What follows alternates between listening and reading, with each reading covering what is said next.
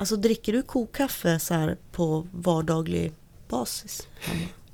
Det är nog mera när det ska vara lite festligt, tänker jag. För det är ändå lite omständligt. Men har du börjat med det nu? Eller? Alltså inte varje dag sådär, men det är ju också det att om man har öppnat ett paket kaffe så måste man ju dricka upp det. Ja. Ja. Så då blir det ju så att då kör man kokkaffe tills det är slut. ja. Eh, Men brukar du spara sumpen? Nej, sumpen är ju väl liksom avigsidan med, med Okej, kokkaffe har jag därför tänkt. att kaffesump, det är ju ett universalmedel för precis allting. Okej. har jag då lärt mig nu. Eh, och det började med att, eh, att min dotter faktiskt sa, men mamma släng inte kaffesumpen, det är världens bästa handkräm, sa hon. All right. Ja. Jaha. Och då testade jag, du vet, tog lite kaffesump i händerna och gnugga in händerna och Ja. sköljde av. Och de blev lena som bebishänder. Okej. Jag skojar inte. Och detta kan man ju då, man kan ju göra så här hemmaspa med kaffesump. Man kan ju använda det och då, då måste man ju ha kokkaffe eftersom det är lite grövre så här, Mm. bryggkaffesump. Så kan man använda det som kroppspeeling. Ja, ja, för Och- det river lite skönt och Precis, också. och samtidigt blir du helt mjuk Ja. och len. Ja. Eh, och detta då i kombination med att det funkar utmärkt till att rensa avlopp, diska gamla kastruller som är helt ingrodda, växtnäring. Du kan hälla ut det i trädgården mot sniglar och annan ohyra. ja. Eh, kökstvål är en jättebra som. Alltså att Ja. ha lite kaffesump och gnugga händerna med för då försvinner även sån här lukt man får av matlagning. Fisk och vitlök och sånt som right. gärna fastnar i händerna. Ja. ja. Ja, nästa steg är väl att du börjar spå i den också. Nej, men du visste inte det här alltså? Nej, jag visste inte det. Äh, kan du spå? Nej. Det, det får bli Nej, men- din grej. till. Ja, ja, ja. Okej. Nästa gång spår jag dig i kaffesump. Ja, gärna.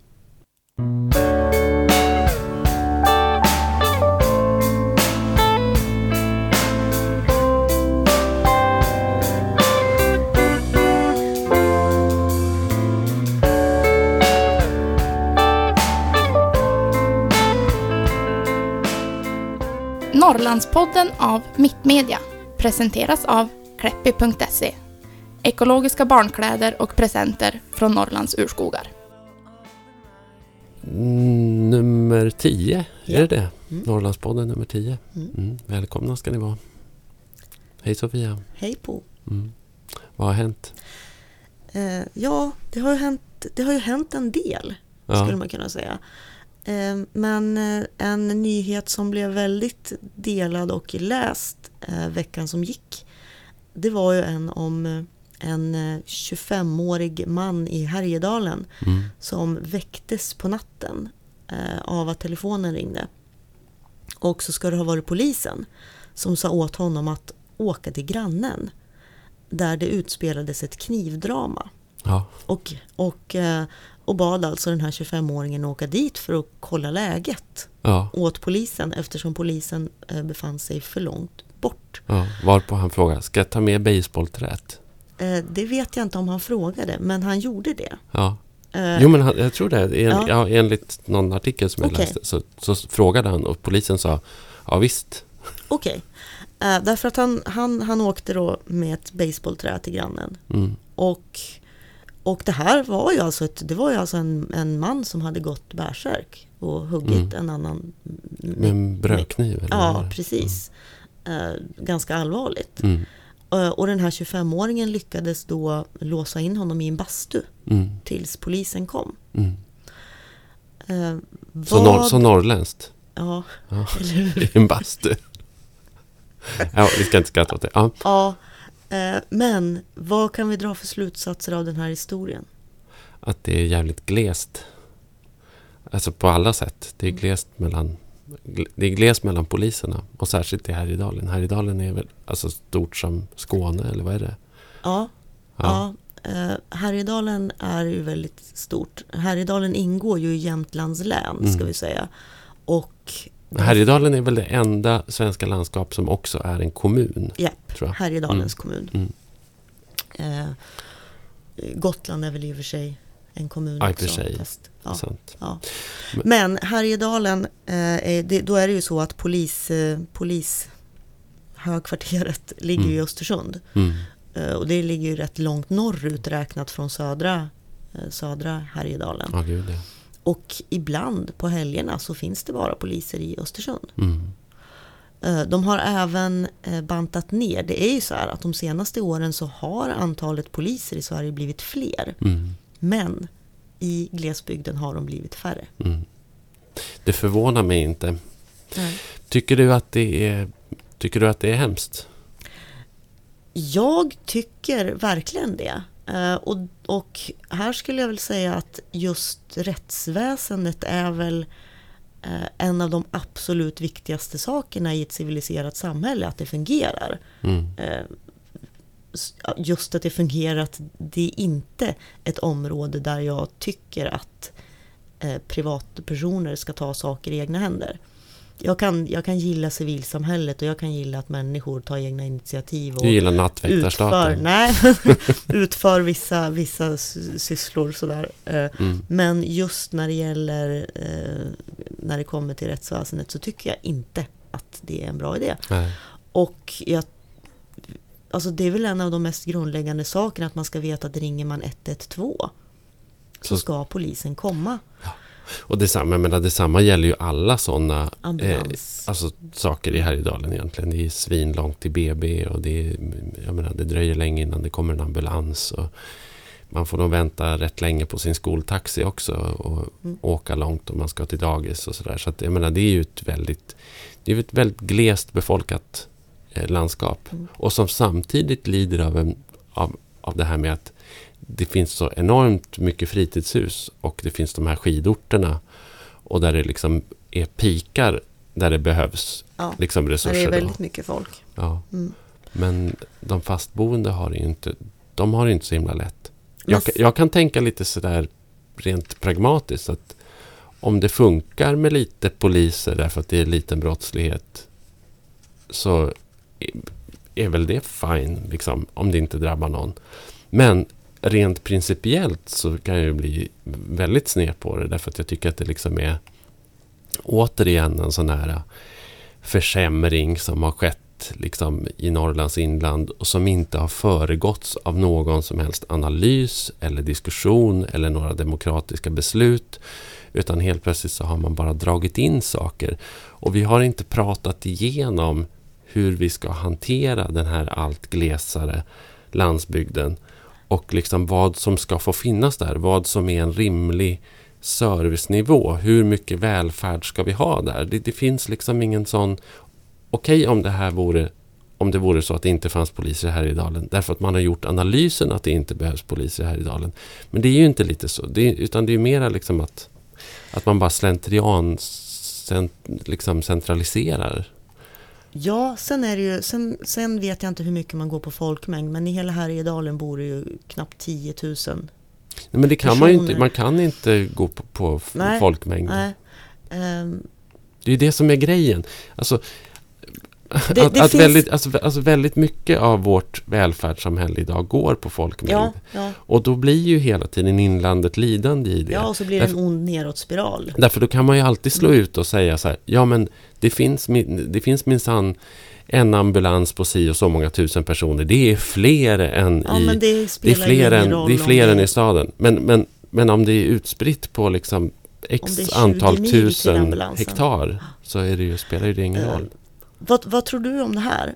Ehm, att ha motsvarande, alltså man har en organisation med deltidsbrandmän i Mm. glesbygd.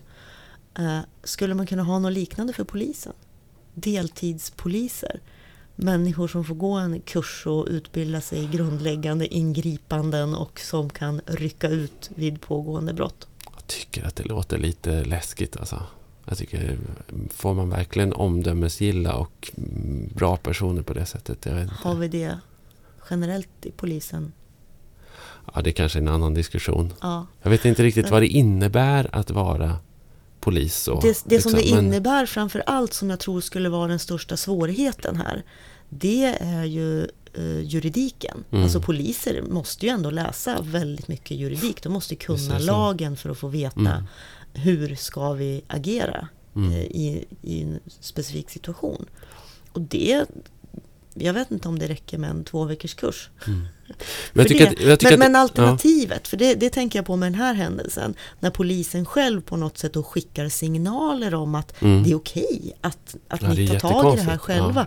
För det jag blir orolig för då, det är det här att vi ska få medborgargarden, Ja, mm. folk som på eget bevåg organiserar sig. Och det där rimmar ju lite illa med den här domen i södra Sverige där ett gäng eh, då, bestulna individer gick ihop och liksom tog fast en snubbe och band fast honom på ett lastbilsflak och nu dömdes till ett och ett halvt års fängelse för att de då hade agerat som ett medborgargarde. Eh, och där rättssamhället verkligen markerade väldigt, väldigt distinkt, väldigt, väldigt hårt. Eh, liksom mot, Så gör man inte. Nej, så gör man inte. Men i Härjedalen så är det helt okej. Jag kan tycka att det är lite roligt också på något sätt att tänka på det här. Därför att det här är ju... Det här tror jag är liksom framtidens framtidens Norrland också. Det här, alltså det här laglösa landet. Mm. Den, här, den här frizonen liksom, där du kan... Men Där- har det inte du kan- alltid varit lite så? Är det inte, är det inte väldigt mycket så här Norrlands inland laglöst?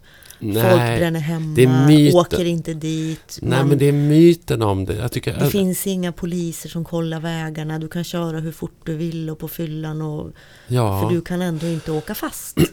Ja, alltså det, det har ju blivit mer och mer som... Alltså, jag skulle nog ändå säga att, att vi kommer från ett läge där det har varit... Alltså där vi har haft ett ganska starkt kontrollsamhälle och, eh, och, och liksom social kontroll. Och där, där, där jag tror att liksom så här, myndigheterna och välfärdssamhället verkligen har haft tentakler ute i alla miljöer. Att det har varit ganska svårt att komma undan faktiskt. Eh, men, men att vi kanske är på väg att vakna upp och inse att ja, men shit, vi kan ju göra vad fan vi vill. Vi kan ju starta Metlab liksom och, och, köra, och köra olagliga bilar hur fort som helst pårökta. Liksom, Ja. eller, och, Lite jägarna. Ja, fast 8.0 skulle jag säga. Ah, okej. Att det liksom är...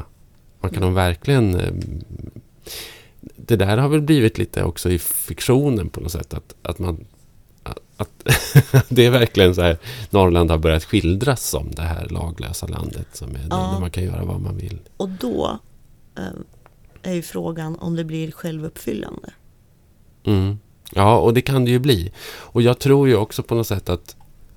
Alltså, att kan mycket väl tänka mig att vi kan få en inflyttning till inlandet av människor som vill vara i fred. Alltså ungefär som alltså på den amerikanska extrema landsbygden. Där du har liksom Mm, det här mm. liksom enslingen med, med hagelgevär eller Una-bombaren. eller, eller så liksom. Att det är liksom så här, det kommer... Jag menar, Härjedalen är ju perfekt för liksom Ted Kaczynski-typer som vill, som, vill, Som- som vill ha det som bas för... för Inte för att uppmuntra den typen av beteende, men, men, men jag kan ju... Det är ju en av...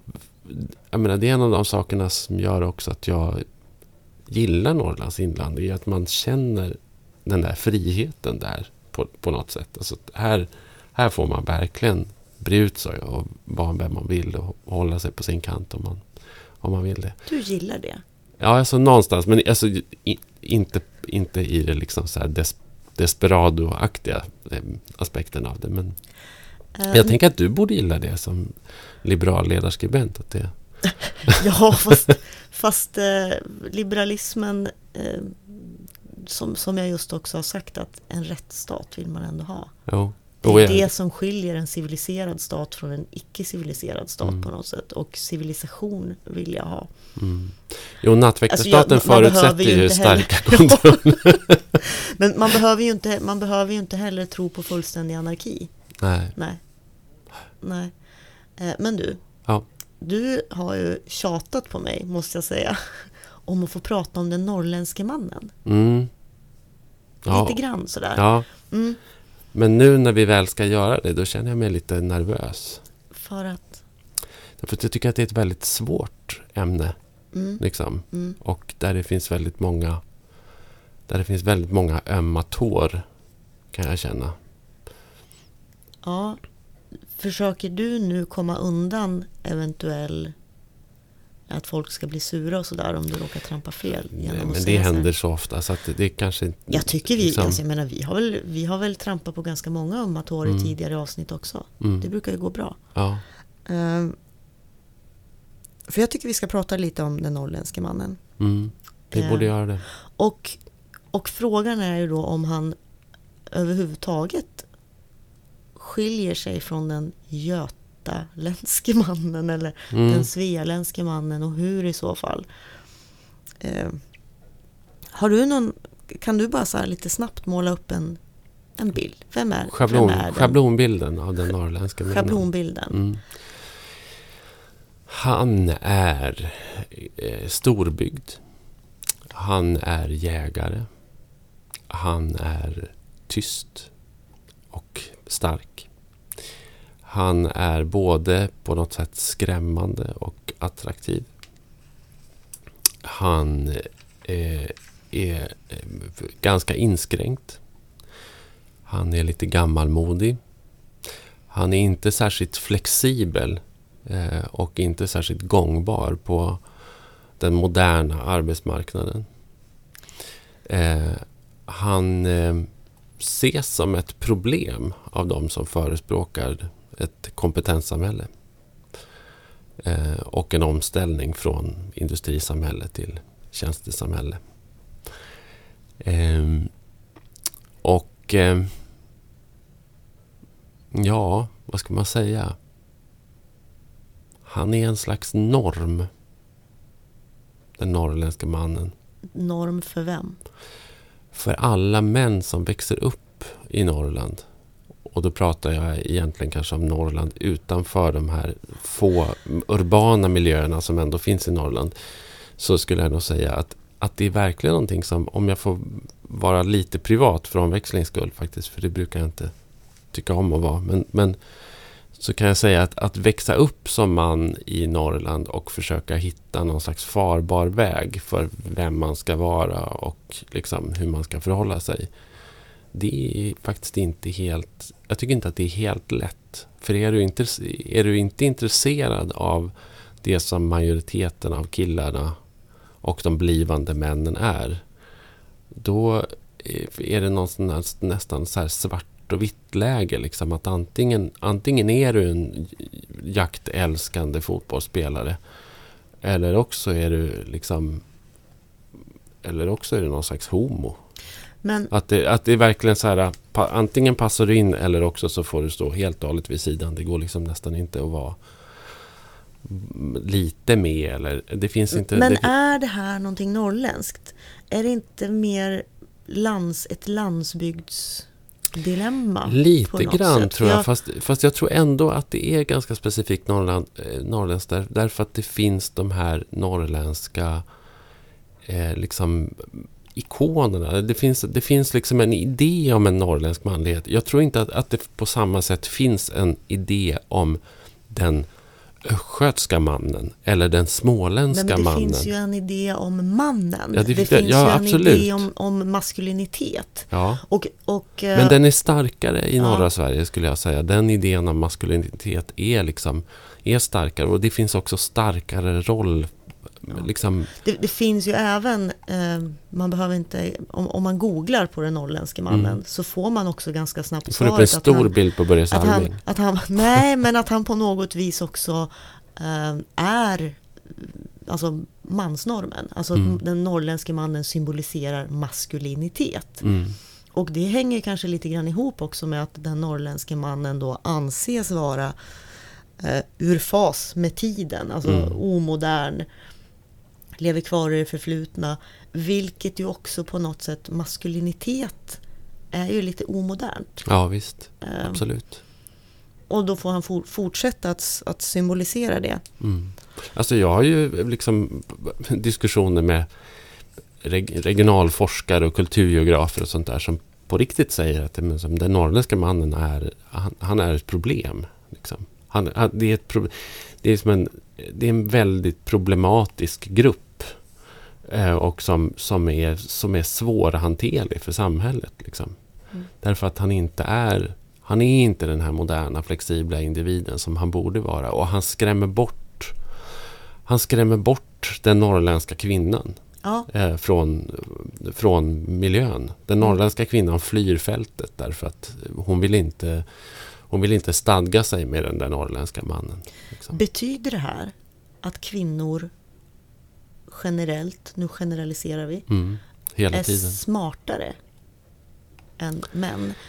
Eftersom kvinnor då tycks, norrländska kvinnor tycks ha en högre benägenhet än män att till exempel eh, ha koll på utvecklingen, bli modernare, vilja någonting annat medan den norrländske mannen vill eh, bo kvar i sin by, köra sin skoter och skjuta sin älg. Alltså det har ju inte med intelligens att göra. Det, jag, jag tycker inte att det har att göra med att kvinnor är smartare. Nu råkar väl jag kanske tycka att kvinnor överlag är lite smartare än vad män är. Men, men jag, jag tycker mer att det handlar om de här liksom, sociokulturella strukturerna. Och att män och kvinnor i mångt och mycket faktiskt växer upp i två olika världar. Men, men även kvinnor har ju de här strukturerna och de här förebilderna och lever i det här. Så att om, om det här vore ett norrländskt fenomen så Mm. borde ju norrländska kvinnor kanske, vilket de i och för sig gör i högre grad också, eh, kanske gifter sig tidigare, få barn, inte satsa lika mycket på karriär. Eh, Jo, uppfyller en, mer, en mer stereotyp eh, norm för vad kvinnans plats ska vara. Sådär. Alltså, man Och ska, det, och, det, och det kan man ju se, så är det ju. Norrländsk, alltså I Norrland så får ju kvinnor barn tidigare. Mm. Ja, men alltså vissa. Mm. Alltså de som är kvar får det. Men, men, men då, de som försvinner därifrån försvinner ju också ut ur statistiken. så att säga. Mm. Jag tror att Norrland har ungefär samma problem som Italien. Alltså Italien har en enorm manlighetskris. Mm. Eh, och där den italienska mannen har visat sig alltså väldigt obenägen. Alltså Italien har ju också väldigt starka könsstrukturer. Och som upprätthålls inte minst liksom i Silvio Berlusconis tv-kanaler där man liksom har cementerar könsrollerna väldigt mycket. Men i Italien har det blivit så att den italienska kvinnan ställer liksom inte upp på det här längre. Så att mannen blir liksom kvar hemma hos mamma till, till 30 år gammal. Och den italienska kvinnan vill, in, vill inte gänga sig med honom. Därför, därför det innebär att stanna hemma på något sätt. Va? Och det, där, det där går igen i, i, i, det där går igen i flera länder. Men alltså, jag, de forskare som jag har pratat med säger liksom att vi har en lik, vi har en liknande situation i Norrlands inland med en kategori män som skrämmer bort kvinnor. Därför att man vet som kvinna att går du in i en relation med den här mannen så kommer din egen frihet och din egen möjlighet att liksom utvecklas, utbilda sig, flytta eh, och liksom leva ett, liksom ett stort och aktivt socialt liv att begränsas. Därför att den här mannen är en liksom förstockad könsrollsinskränkt Sen finns, individ. men det, finns ju också alltid en motrörelse eller, eller nå, någonting som talar emot allting. Eh, och det är ju också att den norrländske mannen ändå någonstans anses vara attraktiv. Alltså att han har egenskaper som av eh, många kvinnor även i södra Sverige anser vara attraktiva. Mm. Att han verkar trygg, pålitlig, Och händig. händig, Och en riktig stark. karl, Ja men precis liksom. så. Och att det är fortfarande egenskaper som många eh, anser vara attraherande. Ja men det är ju precis som jag menar, representationer i populärkulturen så har du ju också det där att, att det är liksom the bad boy eller liksom den här, alltså så här stereotypen som är, som är attraktiv. Det, det där är ju ett märkligt liksom vad ska man säga, det är ju som verkligen två sidor av samma mynt på något konstigt sätt. ju.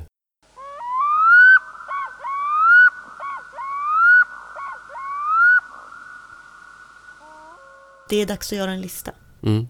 Och då måste vi ju lista de arketypiska norrländska männen. Ja. Ja. Eh, saken är ju den att när jag... Du föreslog ju först att jag skulle lista typ lite på skämt så här, Ja. Norrlands snyggaste män. Ja. Och, eh, och och när jag började fundera och sen så övergick jag till ja, men, norrländska eh, män som på något sätt representerar Norrland Mm. för mig. På ett bra eller dåligt sätt undrar jag då? Bara, bara representerar Norrland. Ja. Jag tror inte att jag tänkte i termer av bra eller dåligt utan bara den här mannen är en man som, som jag förknippar väldigt starkt med Norrland. Mm. Och det hemska, eller det som, det som slår mig då när jag sitt, har suttit och skrivit namn och spånat, det är att det är bara gubbar. Mm. Det är gubbar. Det finns ingen påfyllning underifrån. Nej! Eller också... Eller också måste man ha uppnått en viss ålder för att kvala in som, som liksom norrländsk ikon då i ditt... Jag kanske gillar äldre män. Eller det gör jag inte heller. Men Eh, nej men till exempel då, så den första som kommer som, som så här, det är Börje Salming. Mm. Och nu gillar, alltså jag tycker, jag hör ju till dem då som inte aldrig någonsin har sett honom som en, någon eh, sexsymbol eller ser honom som särskilt attraktiv eller någonting. Han är en ja, hockeyspelare. Han är Mm. ganska tråkig liksom, tycker jag. Men ja, det, han är ändå den första jag kommer att tänka Mm. på. Och då, det kan man ju undra varför.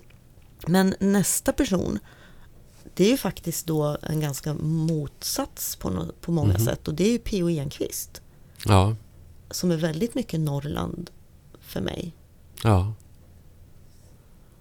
Ehm, Han- Men han är ju fortfarande en... Fast de står ju för väldigt olika saker. Ja, Liksom. Börje Salming är den råa energin på något sätt. Va? Och eh, P.O. Enquist är liksom eh, den kloka farbrorn Ja. på något sätt. Men Sko- P.O. sko- Enquist- skoläran ja. i, i, i... Eller hur? ja, jo, Ja. det är men, men på så sätt så skiljer han sig väldigt mycket från, från stereotypen av den norrländske mannen. Eftersom han är ju, han är ju intellektuell. Eh, extremt. Eh, och det är ju inte så, det är ju inte det första man tänker på när man tänker på den norrländske mannen. Man tänker på någon som är lite inskränkt Mm, och gillar sin skoter. mm, Så där skiljer han sig och ändå symboliserar han väldigt mycket Norrland för mig. Uh, Torgny Lindgren. mm. Det är ju samma han är kategori. Lite så, ja, sådär. men ändå lite mittemellan sådär. Ja, lite mittemellan i och med att han håller på med det här eh, också. Att han står för, han, han står ju för liksom det norrländska berättandet. Han är ju liksom den ikoniska mannen där. Den som, som, som skriver på dialekt och som på något sätt uttolkar landskapet. Och, verkligen, jag menar, ja men det är ju verkligen en norrländsk Mm. ikonisk man på alla sätt. Mm. Men du måste ju ha någon yngre, du måste ju liksom... Alltså jag, har, nej men jag, har ju liksom, jag har till och med Torbjörn Fälldin på listan. ja, Ingmar den- Stenmark. De tysta männen. Ja, Nej, det, betar, vi, vi, det här är ju bara schabloner. Sen, ja, men sen, sen, och då är frågan varför kommer vi på bara schabloner? Det är ju därför att när vi ska tänka på den norrländske mannen och vad som är Norrland så är ju du och jag, kanske mer än andra, Ja, helt fixerade vid den här stereotypa bilden. ja men, och, och, det måste, och det måste ju också säga någonting om hur de här strukturerna reproduceras. Ja. Och även om vi är kritiska mot strukturerna och mot de här så rollerna bidrar vi till att... så bidrar vi till bevara att, dem. att, att bevara dem. Ja. för det Därför finns, att vi kan inte, ja, det var ju alternativet liksom. Man, man måste... Måste, då måste man komma på någonting annat. Det, det är liksom, och det har inte dykt upp en annan typ av ikonisk norrländsk man. Eller liksom, så behö, kan vi helt enkelt skippa hela Norrlandsgrejen. Varför ska vi, varför ska vi kun, var, alltså varför ska det kunna finnas en man som på något sätt definierar Norrland? Ja, fast nu var ju det temat. men, men, Men- ja, men jag kom på en nu som, som, faktiskt, som är en, en väldigt tydlig norrländsk man, men som alltid har brutit av. Och det är faktiskt Staffan Westerberg. Åh, Eller hur? ja. För att han har ju ändå varit, han har liksom varit mjuk och extremt känslig. Och liksom en, ändå, tycker jag, var, varit eh, liksom någon, varit en representant för, Ja. för den här landsändan. Och i egenskap av man också, tycker jag. Ja. ja, alltså jag gillar ju Staffan Westerberg sjukt mycket. Ja. Ehm, Men man kanske inte tänker på honom som norrländsk man jo, sådär. Visst gör man det? jo, men det gör man ju. Nu när du säger det. Men han är också en gubbe. Ja. Och har vi- Varför har vi inte, alltså Dennis Lyxzén, Mm. han är en norrländsk man. Ja, Varför, varför kvalar han inte in, eller gör han det? Ja, men det kanske- han vara med på en lista? Ja, men det kanske han gör. Eh, Det kanske han gör ändå. För han, han kvalar in som representant för, för det nya Norrland i sådana fall. Då. Det, det är liksom den, den nya, unga, röda, eh, gör det själv Norrland. Han Liksom. bor ju även i Norrland. Ja, precis. Kvar. Ja. Och Matti Alkberg gör ju också det. Matti Mm. Alkberg i Luleå. Mm. Eh, som en... Ja, jag vet det. 17 alltså. Jag tycker det är... Är, är det så att den Skulle nya... jag kunna vara med på en sån här lista? Alltså problemet med dig på är ju att du, du är inte en äkta norrlänning. Kan inte du säga? Norrlänning är man väl om man känner sig som en norrlänning? Jo men det kanske man är. Jo Ja. men du skulle nog kunna kvala in men du är också då, ja du är yngre då. Mm. Och du representerar ju Norrland. Du är i alla fall en väldigt viktig talesperson för Norrland. Fast det är ju på metanivå. Alltså, men det får kanske inte finnas en Det är ju metanivå inte hos... du som är Norrland. Det är ju ingenting som du på något sätt... Det är inte som att jag försöker vara Norrland. Jag försöker inte förkroppsliga Norrland. Fast- Det, det är lite roligt. eh, Jag, tänkte på, jag har tänkt på det där med, med identitetspolitik som är så otroligt modernt nu och det är en Mm. sån här kultursidesdebatt som verkligen rasar. Och det, det finns ingen dimension av identitetspolitik i Norrlandsfrågan skulle jag säga. Liksom just det här att du får inte ut, eller liksom, jag tycker det är ganska lite så i alla fall. Att man, alltså om det fanns det så skulle ju regeln vara då att du får inte uttala dig om Norrland om du inte liksom är norrlänning sedan 18 generationer. Och, eller det kanske är så förresten. Ja, fast lite grann reagerar man ju. Jag gör ju det. Så här att de står och pratar om eh, i Agenda om medier i glesbygd Ja. och så tar de dit två storstadsjournalister som ska Ja. göra det. Och ingen som jobbar faktiskt på landet eller i Norrland. Det är ju det att, att i den här identitetspolitiska sfären så tror jag att Norrland eh, klumpas ihop, eller vi, vi hamnar ju i samma låda som, som landsbygden och glesbygden generellt. Mm. Det finns ingen egen Norrlands identitetspolitisk grupp. Utan, Nej, nej, det utan, sant. utan det, vi, vi, vi hör till land, Mm. för, för den börjar ju komma och den tycker jag har blivit starkare bara senaste månaderna. Mm. Att det är fler som faktiskt pratar och försöker lyfta. eh, Landsbygdsfrågor? Ja, ja, ja, kanske. och vill, vill, vill ha lite mer representation. Och det här prata med oss, liksom, inte Mm. om oss. Ja. Ja, det är väl bra. Det är väl inte lika starkt som många andra men det, det känns som att det kommer. Mm. Alltså den här... Den här listan. Mm. Det, jag tycker det är assvårt alltså. För att jag tycker att det är så himla svårt att komma ifrån. Alltså man, man, skulle, man, man skulle ju vilja... Kan man ha med klungan? Ja, klungan är väldigt norrländskt Och jag tycker också på något sätt att de... och modernt. Och modernt. Och de utreder ju på ett väldigt mångbottnat sätt. Eh, alltså de norrländska schablonerna. De leker ju väldigt mycket med de norrländska schablonerna.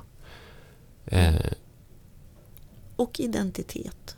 och Man- ident- ja, manlig, precis. Ja. manlig identitet. Ja, klungan. Men då, klung, alltså, då skulle jag ändå säga att då kvalar de in som ett, som ett kollektiv. Mm, absolut. Ehm, Men det är svårt att ta fem liksom. Ja, Börje Salming, P.O. Enquist, Torgny Lindgren, Klungan. Och jag, jag vet inte. du, du ja, jag- måste ju säga, säg det nu. ja, jag har ju min ikoniska norrländska man och det är Peter Stormare som, Ja. som jag kommer från samma by- by som. Mm. Och som är liksom... Och som gör de här ikoniska norrländska filmrollerna. Det har ju liksom blivit hans grej. Han får komma hem från Hollywood och bre på lite dialekt och spänn, flexa sina muskler. Och, eh, och vara mm, liksom butter och aggressiv och... För, för, ja, för mig är han lite grann mm, liksom skräckbilden av, av den norrländska... Alltså när han går in i de där Han du var rädd för rollkaraktärerna. när du växte upp. Ja, men lite så faktiskt. Alltså, han, jag var ju aldrig rädd för honom. Nej, men, det, men liksom det den- han alltså, representerar. men det den han tar fram, det han har Mm. tillgång till som skådespelare och som jag tycker att han är duktig på att få fram. Just den här undertryckta, eh, undertryckta aggressiviteten. Och det är ju väldigt hemskt. Det är ju en väldigt hemsk aspekt av, alltså egentligen många av de här personerna som jag har nämnt har ju en, alltså jag är inte P.O. Enquist och Torgny Lindgren skulle jag säga, men, men Börje Salming, väldigt mycket av hans laddning består ju i att han har en explosiv och liksom nästan aggressiv energi. Eller att man vet att den har funnits där. Men den får han ju kan... utlopp för då på, i rinken. Sådär. Han Ja, har och hittat den- ett sätt att kanalisera den. Ja, och den norrländska mannen ska då få utlopp för det genom att skjuta ett djur eller, Mm. eller liksom... Jag skulle kunna säga att jag är den norrländske mannen. Ja, Sådär, älskar att skjuta, köra bil fort. eh, Skoter. supa. Ja, det kan jag också göra. Men, ja. Ja. Gud så modernt. Ja. Det har ju faktiskt eh, forskats om den norrländske mannen. Mm. Och eh, bland annat så eh, har då Madeleine Eriksson disputerat eh, på en avhandling och det handlar om bilden av norrlänningen Mm. och framförallt mannen. Mm. Och hur den reprodu- reproduceras i Precis. me- media, populärkultur. Ja. Och vad, vad hon konstaterar det är ju dels det som vi redan vet eh, att det finns en form av geografisk hierarki mm. eh, som spelar ganska stor roll och där Stockholm ligger överst och Norrland kommer sist. Mm. Så att det är alltså, man, man slår i underläge från början om man född Ja, Norrland. Ja, och en central liksom, slutsats som hon kommer fram till i, är ju också att berättelsen om Norrland och Norrlands ikoner överlever och reproduceras därför att det moderna samhället, det moderna urbana samhället har ett behov av en motpol i berättelsen om sig själv. Och det där tror jag väldigt mycket på. Att liksom att för att den norrländska mannen reproduceras ju inte minst i svenska reklamfilmer som sitter och diktas upp av ADs och copies på byråer i Stockholm. Och som då är där de skapar då liksom trovärdiga, mysiga, härliga, spännande, säljande män med keps som kan lansera ett ölmärke. Eh, Men det och- handlar ju också om den här kontrasten som blir, det blir en ökad exotifiering Mm. av norrlänningen eh, ju modernare Stockholm blir, Mm. eller södra Sverige. Eh, så, så Och vi har ju pratat om jägarna och som Ja, är ett av, ja. ett av hennes exempel som hon studerar väldigt mycket.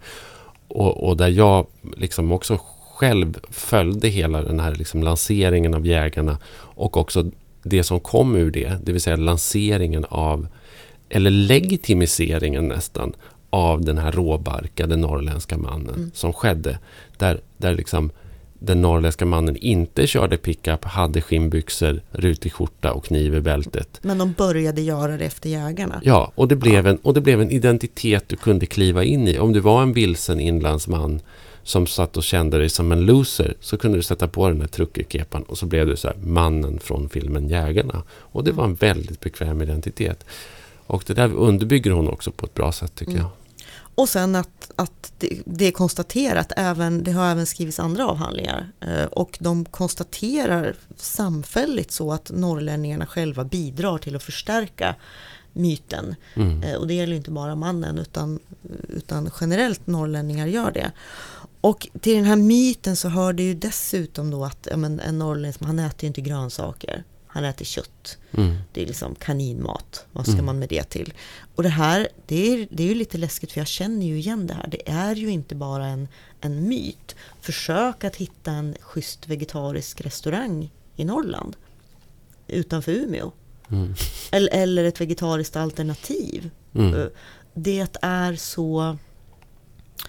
ehm, Ja men det är djupt rotat alltså. Det, det är det verkligen. Ja, Ja. det, det är verkligen det. Och, och, och, och, och det läskiga är att det är svårt att ändra på det därför att det finns ingen, det finns ingen stark motkultur, det finns inga andra idéer och det, och, och det är liksom en reproduktion och en legitimisering av den här av liksom den norrländska mannen som, som pågår och som alla ägnar sig åt och som det, som det finns ett behov av. Det är ju det som är det sjuka på något sätt. Att det liksom är att man skulle kunna tänka sig då liksom att i framväxten av ett nytt samhälle, i liksom teknikskiften, paradigmskiften, så skulle liksom alla inlämnas i det. Men nu är det liksom tvärtom så att man på något sätt så här, att behovet ökar istället av att hålla en viss grupp utanför. Därför att det finns en poäng med det. Men kan det också finnas en poäng att bevara, alltså om man tänker här, ja men en, en, eh, en handyman. Den här, den här kapable, praktiske Mm. mannen som kan skjuta sin mat och hugga sin ved och göra upp eld. Att, att, att, det, att vi ändå, det är bra att behålla det, att det finns några kvar som har den kompetensen. Ja, inte skadar det väl i alla fall. Det, det gör det väl inte. Det, det är en sån här sak jag, som jag också, det är mycket eftersom jag är född och uppvuxen i Norrland och min, hela min släkt verkligen är och har bott och levt i Norrland. Mm. Så är det mycket jag inte har förstått förrän ganska sent att oj, det här är ett norrländskt fenomen. Jag har trott att det är allmänt, sådär typiskt svenskt eller så. Mm. Som älgjakten. Mm. Och så vitt jag vet så, så jagar, jagar man älg i hela Sverige nästan. Mm. Eh, Men det uppfattas ändå som en väldigt, väldigt norrländsk sak att göra. Mm. Och eh, det är väl fler i Norrland som, som gör det då, antar Mm. jag. Finns det Norrlands specifik statistik? Liksom? Har du tittat? Har du liksom... När det gäller älgjakten så kan vi ju säga att norrländska män, eh, framförallt i inlandet, i högre grad då tar ut föräldraledighet under älgjakten. Det är ganska Det, fult. det går att säga. Ja. Sen, sen kan det vara lite svårt att bryta ner, men, men även om då den norrländske mannen anses vara mer ojämställd, så i statistiken så tar de ut lika mycket eller lika lite föräldraledighet som män i södra Sverige. Det finns kommuner där det är sämre och det, Det finns... måste ju vara högre på Södermalm. Liksom. Jo, jo, men som Ja. sagt så, så djupt ner har jag inte gått. Utan Nej. det finns kommuner som ligger bra till och det finns kommuner som ligger sämre till. Och det Mm. gör det även i södra Sverige. Hur är det med självmordsstatistiken? Ja, där är ju, där är ju den norrländske mannen eh, överrepresenterad. Det är så? Så är det. Mm. Eh, och framför allt så gäller det in, inlandet. Mm. Det norrländska inlandet toppar eh, självmordsstatistiken. Och då undrar man ju om den här... vi- Vilka är det? Är det den stereotypen norrländske mannen som tar sitt liv? Eller är det mannen som inte passar in i stereotypen? Jag tror att det är den förstnämnda kategorin faktiskt. Jag tror att det är de som, jag tror att det är de som upplever sin situation som ett fängelse. Eh, och som inte kan ta sig därifrån. För kan du inte leva upp till stereotypen så är du antagligen mera flexibel. Eh, alltså Mm. då, kan du, då kan du gå åt ett annat håll eller du kan liksom ta en annan riktning i livet. Jag tror att det är de som de som är olyckliga men fast i stereotypen, det är de som, det är de som tar livet av sig, tror jag. Alltså, det här är ju en spekulation, men jag tror, jag tror, inte, den är, jag tror inte den är fel. Alltså. För, för jag, har ju, jag, jag kan ju tänka att just Norrlands inland och männen eh, och då, och då pratar jag om de här männen som verkligen gillar jakt och fiske och vara i skogen och snickra på huset då. Mm. Eller vad, vad, vad det nu är. Att, att ja, de får göra det. Att, att generellt borde man vara ganska nöjd med sin tillvaro. Jo, men om du, det är om du, ostressat. Det jo, men om du är ensam och olycklig och aldrig har fått lära dig att ta hand om det eller visa det eller prata om det och det heller inte ingår i normen att få visa det.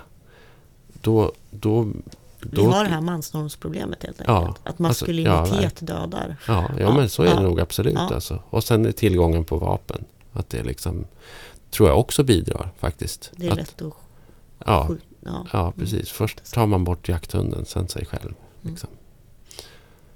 Det är fasansfullt. Och, eh, och tittar man, bryter man ner också så är ju alltså självmordsstatistiken bland samiska män är ju också, Mm. är också väldigt hög. Och det är ju, där har det ju andra orsaker också. Där är det ju liksom ekonomisk stress och liksom en kulturell press på den samiska mannen som är liksom där, där har du ytterligare pålagor på något sätt på, på den manliga identiteten som, som ställer till det. Men det är, ett Mm. jätte, det är jättehög eh, psykisk ohälsa Mm. i den gruppen. Liksom. ja, maskulinitet är inte bra för hälsan. Nej, precis.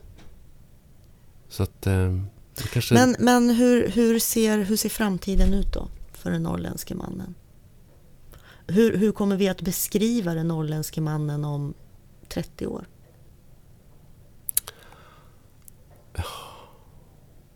Otroligt svårt alltså. Det beror ju på. Alltså man, man tänker att någonstans måste det ske ett skifte. Den norrländske mannen föds ju ändå och uppfostras av en kvinna.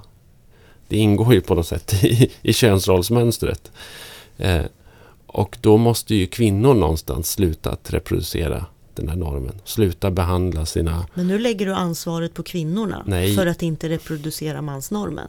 Nej. eh, Jo, Jag var tvungen att säga det. Ja, okej, det är klart att du är tvungen att säga det. Det är klart att det är ett allmänt ansvar. Men, men normen skulle ju inte överväga, eller ö, överleva heller om den inte under, liksom, Om inte kvinnorna fortsatte. Nej men det är ju liksom allas ansvar då att man Ja. fortsätter att reproducera och, och finnas i. ja, och, Ja. och, och att och även, Men- även mammor behandlar pojkar och flickor på, på väldigt, olika, sätt. Men Och så- samtidigt är att det, det är helt att, olika förväntningar ställda på dem. Liksom. men, men, men det är väl ändå kanske ändå viktigare hur då i det här fallet den här pappan agerar. Därför att eh, hur mamman än fostrar så är väl Mm. pappan ändå en förebild för pojken som föds i Norrland. Och man kanske Absolut. vill bli som sin pappa. Och, eh, Absolut, men kvinnan behöver ju kanske inte heller ställa upp på liksom, den rollfördelningen eller, eller att göra pappan till den där. nej, liksom, men nu, nu kommer vi ju in på helt andra saker. Nej, jag tycker det här är ganska centralt. Ja, fast, Men- jo, men det tycker jag med. Men när du, alltså, det, du, det, det, du får det att låta lite enkelt. Men det Sådär. är klart att det inte är enkelt. Och sen, jag menar, sen, har det ju, sen, jag menar, sen kan man ju koppla det till hela liksom, samhällsomvandlingen också. Kommer, en, kommer det överhuvudtaget finnas en plats för den norrländska mannen? Jag, jag ser ju en, en väldigt dyster framtid eh, liksom, framför mig där jag, där jag tror att Norrlands inland, alltså landet kommer ju dras isär ännu mer. Det, det, väldigt mycket kommer centraliseras ännu mer i norrländska kuststäder och Norrlands inland kommer på sikt bli en slags rekreationsyta för Mm. den urbana medelklassen som kommer resa dit för att äta och sova och uppleva saker. Vildmark. Och eh, då måste man kanske ha någon typ av vildmarksguider. Så där, där finns det väl då möjligtvis en framtid, framtida arena då för, för de här kvarvarande norrländska männen som inte är flexibla. Utan de, de kan köra, de kan liksom köra eh, eh, den urbana medelklassen i hundspann. Eller hyra ut skotrar till dem då. Och det du underförstått sa här nu var att den norrländske kustmannen är redan På väg. modernare och på god väg Och att på väg, ja. ja. Det Eh, tror jag absolut. ja, bli integrerad med eh, resten Ja. av samhället. Ja. Ja. Ja, vi ber om ursäkt för detta. Hela programmet. Ja, men lite så. Så känner man ju att man måste, man måste kanske slänga in en, en, en liten... Du bad om ursäkt innan vi En, började. ja, jag vet också. och jag vill sluta med det också. Ja. Därför, att, därför att det är jättesvårt att prata om de här sakerna utan att generalisera och utan att, liksom, och utan att reproducera stereotyper. Det är ju Ja, skitsvårt. det har vi gjort nu. Ja, och det har vi ägnat oss åt i det, i det här programmet. Stereotyppodden.